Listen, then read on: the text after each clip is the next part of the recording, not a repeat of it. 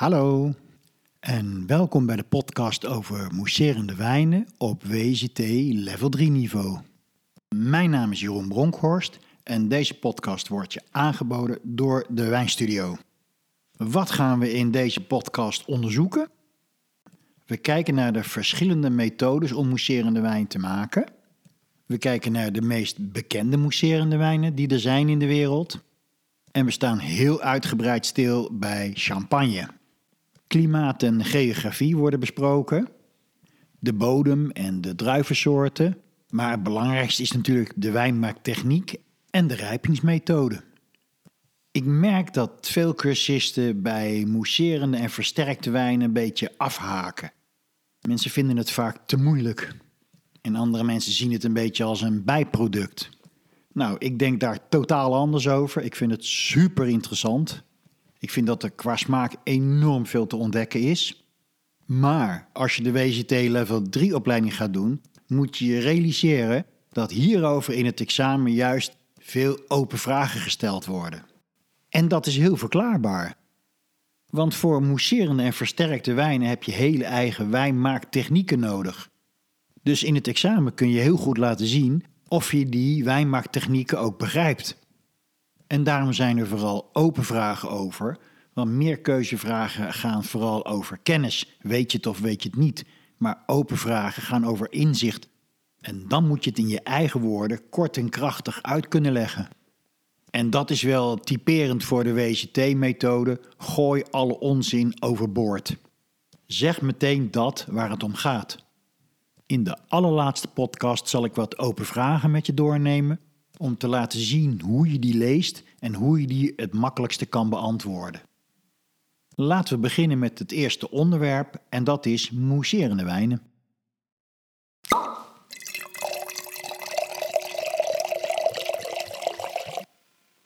Ik heb deze les op eh, WCT level 3 niveau heel vaak gegeven. En mijn eerste vraag is altijd: wat is een mousserende wijn? En het is frappant om te zien wat voor antwoorden daar af en toe uitkomen. Want mensen beginnen hele technieken op te noemen. En mijn tweede vraag is dan altijd: is dat dan mousserende wijn? Nee, natuurlijk niet. Er zijn allerlei technieken, maar dat is niet de kern. En dat is de typische WCT-gedachte: benoem gewoon eerst het feit waar het om gaat. En dat is vaak zo ongelooflijk simpel, want wat is het antwoord op die vraag? Een mousserende wijn is een wijn met koolzuur. Dat is alles. Goed, de tweede vraag is natuurlijk: welke methodes zijn er om mousserende wijn te maken? Misschien kun je daar nu eens voor jezelf over nadenken. Welke methodes ken jij om mousserende wijn te maken? Ik ga ze behandelen van de meest simpele tot de meest complexe. Om te beginnen, de allersimpelste methode. Welke is dat? Nou, ik noem het eigenlijk altijd maar de Coca-Cola-methode. Ze noemen dat injectie. Ofwel, je hebt een wijn die klaar is en uh, daar doe je koolzuur bij en je sluit die fles af en that's it. Dit is natuurlijk de allergoedkoopste methode, de allermakkelijkste methode. Je kunt het vergelijken met spaarrood. Wat is altijd het probleem met spaarrood en Coca-Cola als je die fles open hebt? Die bubbels zijn heel gauw eruit. En de bubbels zijn vaak veel te groot, veel te grof. De spa-producent heeft dat ook ontdekt, want die is later uh, Marie Henriette gaan maken met veel zachtere bubbeltjes. Ik denk dat het duidelijk is dat dit geen echte kwaliteitswijnmethode is. Wat is dan nog meer een goedkope methode? Waarschijnlijk weet je dat ook wel. Dat is de tankmethode of de Charmat-methode. Wijnen op die manier gemaakt kunnen heel goedkoop zijn en de kwaliteit kan matig zijn tot goed. Hoe wordt dat gemaakt? Nou, om te beginnen hebben we het eigenlijk altijd over een methode waarbij een tweede vergisting plaatsvindt, in dit geval in een afgesloten tank. Je begint met een aantal basiswijnen. Die ga je blenden totdat je het juiste resultaat hebt. Die stop je in een tank daar doe je suiker en gist bij en er begint opnieuw een vergisting plaats te vinden. Daarbij krijg je een iets hoger alcoholpercentage, zo ongeveer 1,5%. Maar wat belangrijk is, je krijgt ongelooflijk veel koolzuurvorming. En omdat die tank afgesloten is, kan die koolzuur nergens heen.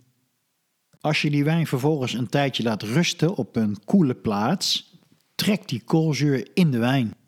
Dit is niet alleen een goedkope methode, het is ook veruit de meest gebruikte methode in de wereld. De volgende methode is de ASTI-methode. Die wordt ook wel in het Frans ancestral genoemd. En het belangrijkste daarbij is dat er maar één vergisting plaatsvindt. De basis is dus niet een wijn of een blend van wijnen, maar gewoon druivensap. Dat heb je opgeslagen totdat je het proces wil starten. Dan maak je het warmer, doe je de gist bij en er ontstaat wijn. Een deel van de koolzuur laat je ontsnappen en een deel hou je vast. En daarna is de belangrijkste methode methode traditioneel. De methode die in champagne gebruikt wordt en in cava. En de belangrijkste omschrijving daarvan is tweede vergisting op fles. Maar voordat ik daarop inga wil ik eerst de transfermethode behandelen. Die komt vooral in Amerika voor. Dat is ook een tweede vergisting op fles, maar er vindt geen remuage plaats.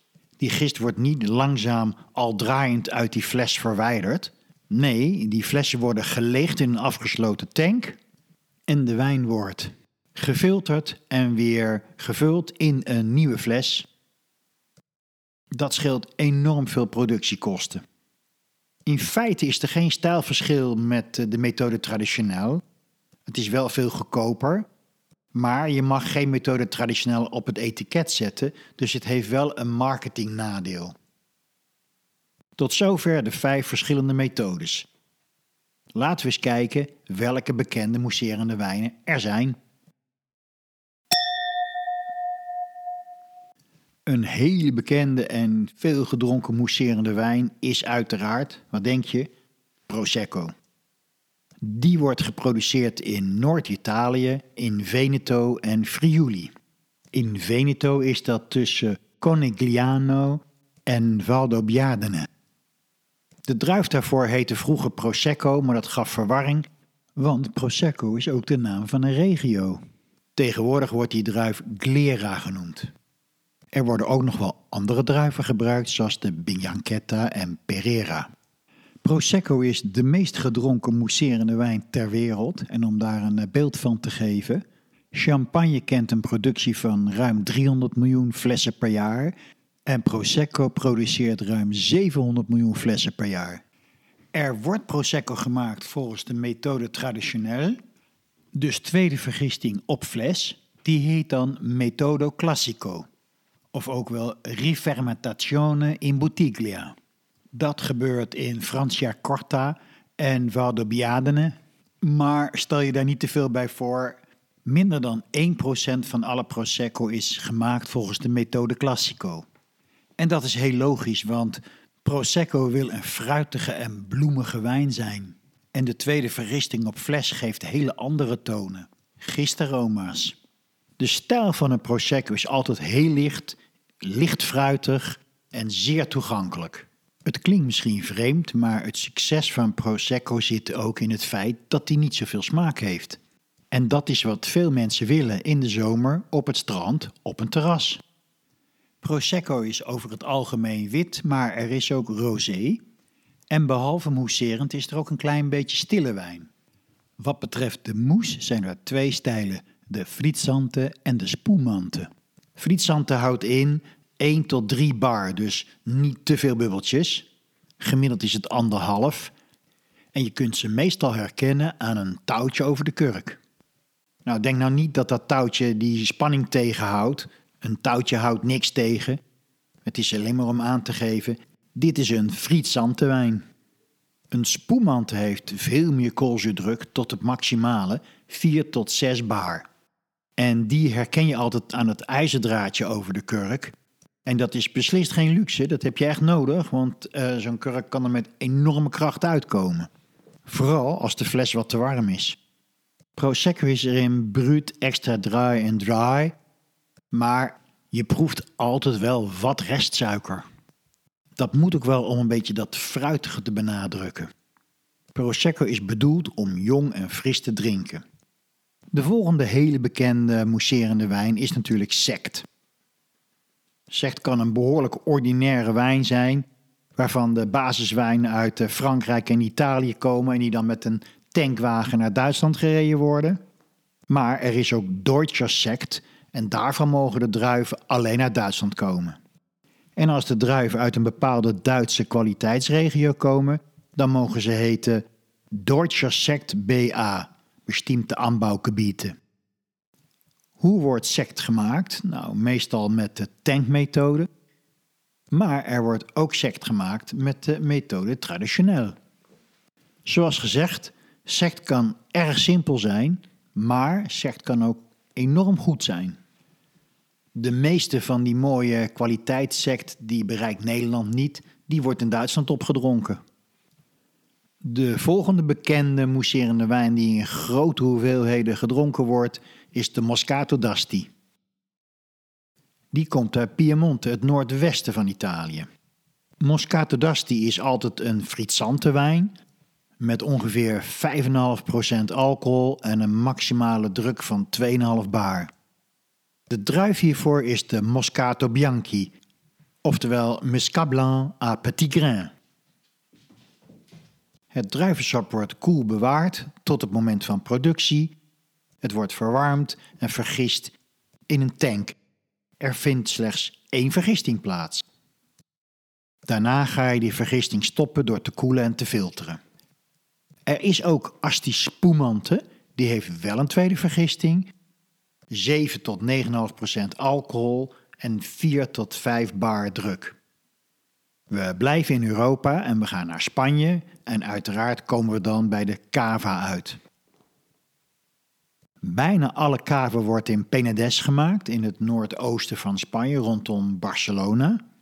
Maar het mag ook in allerlei andere gebiedjes, afgebakende gebiedjes, zoals delen van Rioja, Navarra en Valencia. Bijzonder aan cava is, het is altijd verplicht methode traditioneel, dus tweede vergisting op fles. Cava wordt gemaakt van eh, traditionele druiven, zoals de Xarelo, Paralada, Macabeo, maar ook wel Chardonnay.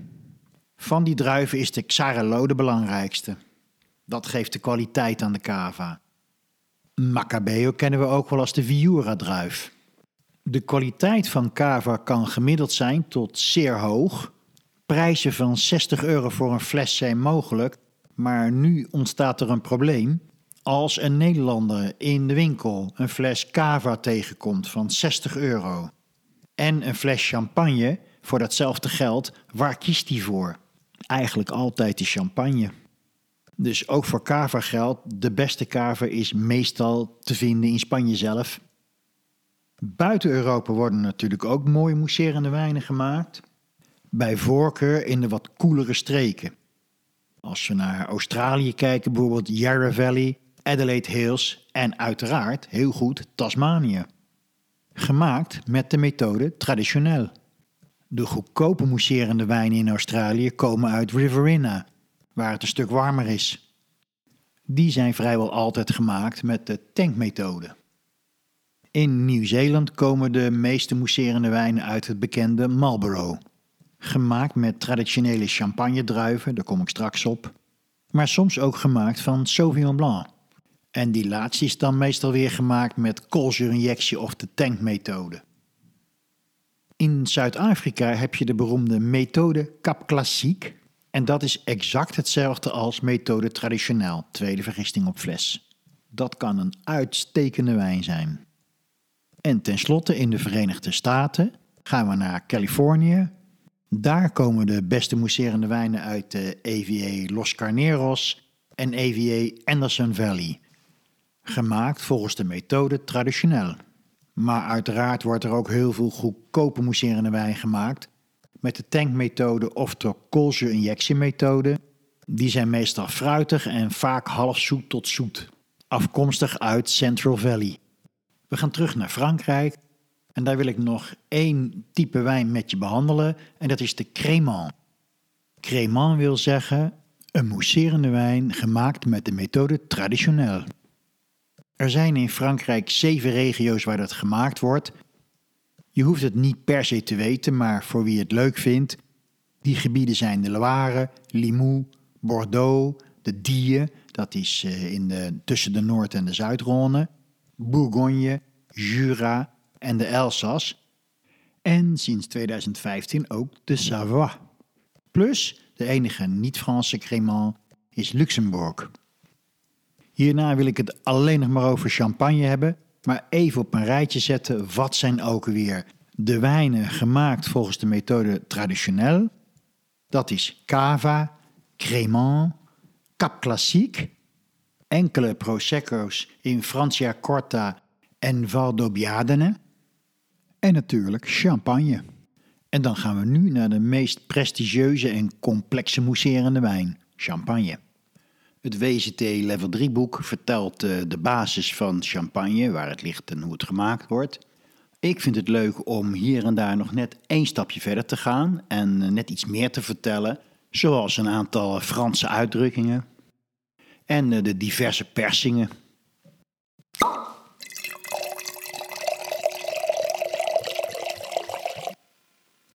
Om te beginnen, methode champenoise en champagne zijn beschermde namen.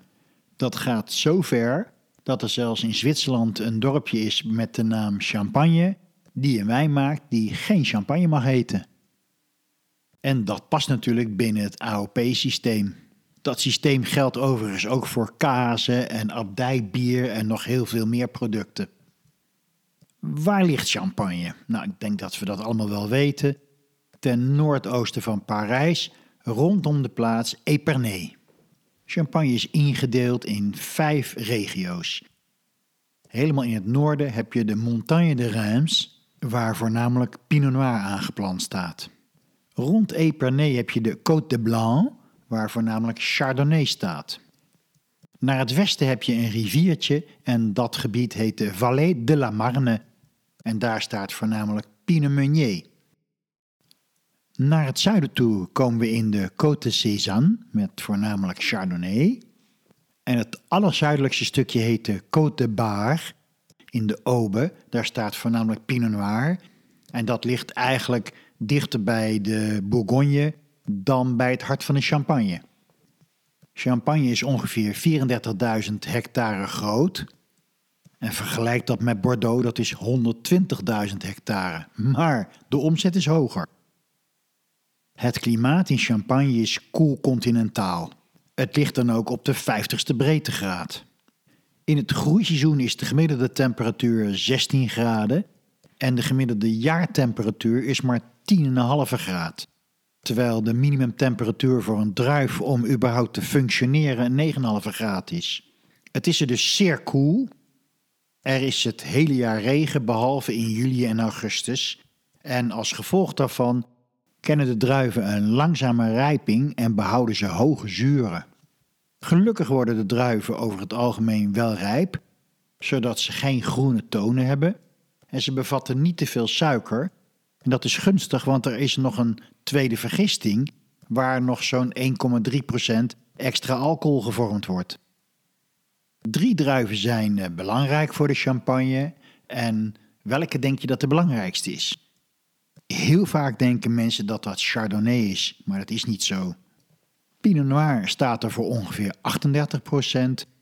Pinot Meunier, ook een blauwe druif, voor ongeveer 32%. En Chardonnay voor ongeveer 30%. Pinot Noir zorgt voor structuur, kracht en fruit. Pinot Meunier heeft aromas van peer. Hij heeft eigenlijk onterecht een hele slechte reputatie omdat die door oxidatie wat minder geschikt is voor millicemie, voor hele lange bewaarperiodes. En Chardonnay zorgt altijd voor de verfijning, de zuren en een fijne moes. Overigens, als Hollander spreek ik van Chardonnay. De Engelsen rekken dat woord nog wat uit naar Chardonnay. Maar ik ben wel eens gecorrigeerd door een Fransman die zegt: het is Chardonnay. Het probleem is, als ik het woord zo ga uitspreken, dat mensen gaan vragen: wat zeg je? Wat bedoel je? Of nog erger, ze denken dat ik een snop ben of een beetje in de war. Dus ik blijf maar Chardonnay zeggen. Maar het is Chardonnay, dan weet je dat. Er zijn nog vier andere druiven, maar die nemen met elkaar maar 0,3% van de hele aanplant voor een rekening.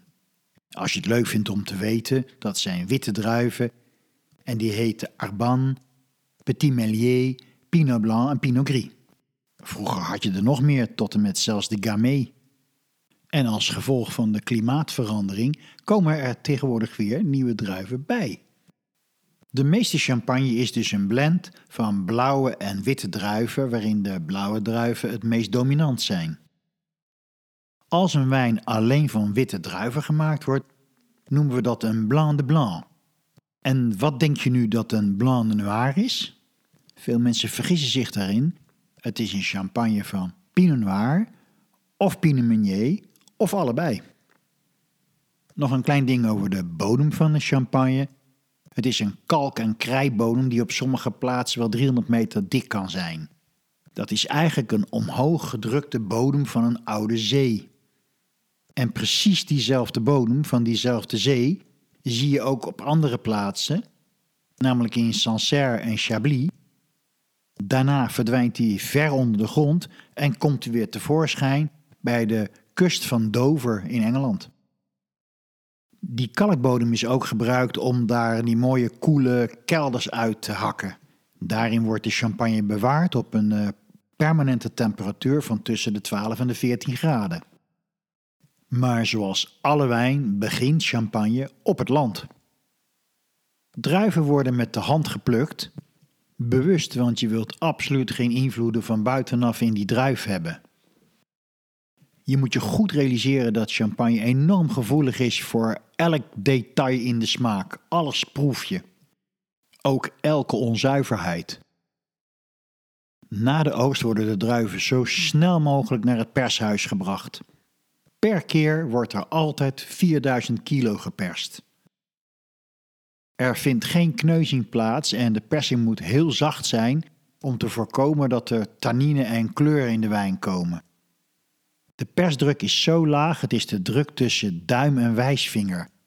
Een eh, wijnmaker zei een keer tegen mij: Je zou gewoon veilig in de pers kunnen gaan liggen. Ik heb het niet geprobeerd. Uit die 4000 kilo wordt een eerste persing gemaakt en dat heet de QV. Dan mag je maximaal 2050 liter produceren, dat is de topkwaliteit.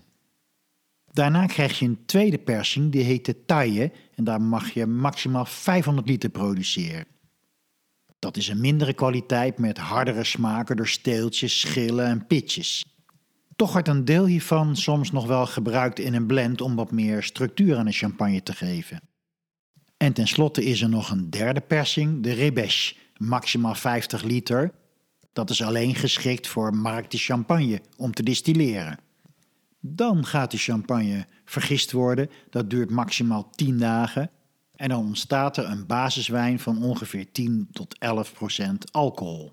Omdat champagne zo'n extreem koele regio is, zijn die basiswijnen altijd zeer droog, vaak wat schraal, met een hoog zuur.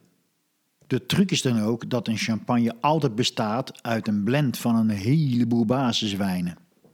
Noem dat in Frankrijk geen mélange, want daar gruwelen ze van. Dat is een beetje met een stok ergens doorheen roeren voor hun gevoel. Nee, het heet een assemblage. Dat geeft eigenlijk aan dat het een kunst is. Het verhaal gaat dat Dom Perignon, de beroemde monnik, eigenlijk de basis heeft gelegd voor het assembleren. Champagnewijnen werden in die tijd als stille wijn verkocht, meestal in Parijs, wat de dichtste bij lag. Maar eigenlijk vonden de meeste mensen het helemaal niet zo lekker, zo'n schrale, zure wijn. Bovendien was er nog een ander probleem. De wijn was vaak niet goed uitgegist. En in de lente, als het warmer werd, begon die gist weer op gang te komen. Dan ontstond er dus druk in die fles en die fles ontplofte. Daarom werd champagne in die tijd duivelswijn genoemd. Dom Perignon had twee doelen. Ten eerste de champagne lekker maken. Ten tweede die vervelende bubbel eruit halen. Dat lekker maken deed hij door te assembleren Wijnen van verschillende jaren, van verschillende druivenrassen, van verschillende percelen. Maar dat verwijderen van uh, die moes, dat lukte eigenlijk niet. En pas twee jaar voor zijn dood heeft hij dat opgegeven en gezegd: Ik ga er een echte mooie mousserende wijn van maken. Gelukkig werd de techniek van het glasmaken steeds beter en werden de flessen steeds sterker, waardoor ze die moes ook aankonden. De basiswijnen kunnen dus ook op hout gelagerd zijn geweest. En bedrijven als Bollinger en Kruk doen dat ook. Assemblage is dus het samenvoegen van basiswijnen van verschillende druivenrassen, van verschillende jaren en van verschillende wijngaarden. Het voordeel van de assemblage is dat je een verbeterde smaak krijgt door meer complexiteit en je kunt door je keuzes van basiswijnen een mooie constante stijl maken en dat is wat ieder champagnehuis nastreeft. Hoe meer vin de reserve je gebruikt, dat zijn wijnen van oudere jaren, hoe mooier en complexer de champagne wordt. Een champagne kan wel uit 50 basiswijnen bestaan. Als de assemblage, de definitieve blend, gemaakt is, voegt men de liqueur de tirage toe. 24 gram suiker opgelost in een stroopje, wat wijn en gist. En dan start de tweede vergisting op de fles. En de druk loopt op tot 6 bar. En dat is wel leuk om te weten. Als je een champagnefles opent, moet je altijd zes keer draaien aan de muselet. Dat ijzerdraadje over de fles. Dus je draait evenveel keer als dat er druk in de fles zit. Door die tweede vergisting in de fles loopt de druk dus alsmaar op tot 6 bar. En dan gaat de gist dood, want meer druk verdraagt hij niet. Een gewone champagne ligt dan altijd minimaal 12 maanden te rijpen plus nog drie maanden later met toegevoegde suiker. Dus in totaal ligt die fles 15 maanden, maar op de gist maar 12 maanden. Voor een millisime, dus een champagne uit één oogstjaar, geldt een totale rijping van minimaal drie jaar, maar het kan wel 10 jaar zijn. Dat gistcontact met dat zuur en die alcohol van die wijn geeft autolyse, de afbraak van die gist, geeft die typische smaak van brioche, brood. Die dode gist beschermt de champagne wel tegen oxidatie, dus je kunt een champagne als je wilt heel lang laten rijpen. Dan is het moment dat die klaargemaakt gaat worden voor de verkoop. Maar je zit dan met al die gist en die heeft zich vastgekleefd aan die fles. Die wil je kwijt. En daarvoor heb je de remuage, het draaien van de flessen. Door die fles elke dag een beetje te draaien en te schudden, komt die gist los van de wand. En doordat je die fles telkens iets meer op zijn kop zet, zakt die gist alsmaar verder naar beneden naar de dop. Die remuage gebeurde vroeger altijd in houten pupitres. Dat ken je wel, die rekken waar ze in liggen. En een remueur deed er ongeveer 6 tot 8 weken over. Tegenwoordig wordt dat gedaan in giropalet. Dat zijn stalen kooien met 504 flessen die elk kwartier bewegen en die fles ook alsmaar iets meer op zijn punt brengen. Surpoint, zoals dat heet in Frankrijk. Die giropalets doen hetzelfde werk in een week. Dan kan de gist verwijderd worden door middel van het dégorgement. Een gorge is een ander woord voor keel of een versmalling. Een wegversmalling heet in Frankrijk ook gorge. En bij dégorgement haal je de gist dus uit de keel.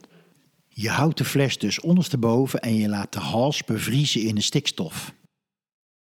Dan zet je hem weer rechtop en kun je de dop eraf halen. Op dat moment, door de druk die in de fles is, schiet het bovenste propje van de champagne eruit en daar zit al die gist in die je kwijt wilt. De volgende handeling is dan de dosage en dat bepaalt de stijl, nou eigenlijk meer de zoetheid van de wijn. Als je geen suiker toevoegt, heb je een brut natuur of zero dosage.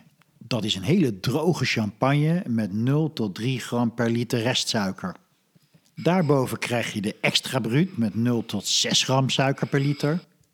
En vervolgens de brut, de meest verkochte champagne, 0 tot 12 gram suiker per liter.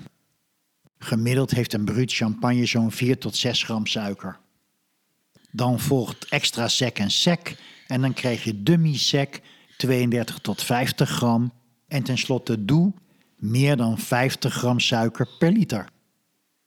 Overigens was champagne vroeger een hele zoete drank. Het zijn de Engelsen die gevraagd hebben om het droger te maken. En veel Fransen drinken nog zoete champagne. Die dosage wordt ook liqueur d'expédition genoemd. Het laatste wat je toevoegt voordat de champagne met de expeditie meegaat. Champagne wordt daarna gerijpt en het is de bedoeling dat je champagne eigenlijk drinkt wanneer je het koopt. Een vuistregel is wel: je kunt een champagne zo lang bewaren als die zuur lat heeft gelegen. Dus een champagne zonder jaartal kort, maximaal een jaar. En een champagne met jaartal drie jaar. In de praktijk kan dat voor sommige champagnes echt al te lang zijn. Nog iets over het etiket. Er is maar één AOP en dat is de AOP Champagne. Op een etiket kan ook Grand Cru en Premier Cru staan. Dat is geen appellation, maar het betekent dat die druiven uit een bepaalde gemeente komen. Er zijn 17 Grand Cru gemeentes en 40 Premier Cru gemeentes. Ook wel interessant om te weten, de meeste champagnehuizen hebben geen of weinig land. Ze kopen de druiven in. Ze hebben langdurige relaties met boeren. En die boeren verdienen goud geld, want een kilo champagne kan wel 6 tot 8 euro kosten. Bovendien mogen ze 100 hectoliter per hectare oogsten. En daarbovenop wordt jaarlijks vaak nog een reserve individueel toegekend. Dan mag je nog eens 30 hectoliter meer oogsten. Dit is een heel sumier en kort overzicht van champagne. Er is enorm veel over te vertellen en ik zou het ook heel graag willen doen. Maar dan gaat deze podcast veel te lang duren. En ik wil graag afsluiten met een advies. Zorg dat je altijd, ja, eigenlijk twee flessen champagne in huis hebt. Lekker gekoeld natuurlijk. En zorg dat er altijd een reden is, een gelegenheid om er eentje open te trekken. Je hoeft echt niet te wachten tot oud en nieuw. Je kunt het gebruiken om iets te vieren. Je kunt het gebruiken om je te troosten. Of zomaar lekker tussendoor. En hiermee sluiten we deze podcast over mousserende wijnen af. Je ziet dat er heel veel bij komt kijken, vooral als we het over champagne hebben. Maar dat maakt het ook zo leuk. En je moet natuurlijk zeker eens naar de champagne toe gaan. Dichterbij kan bijna niet.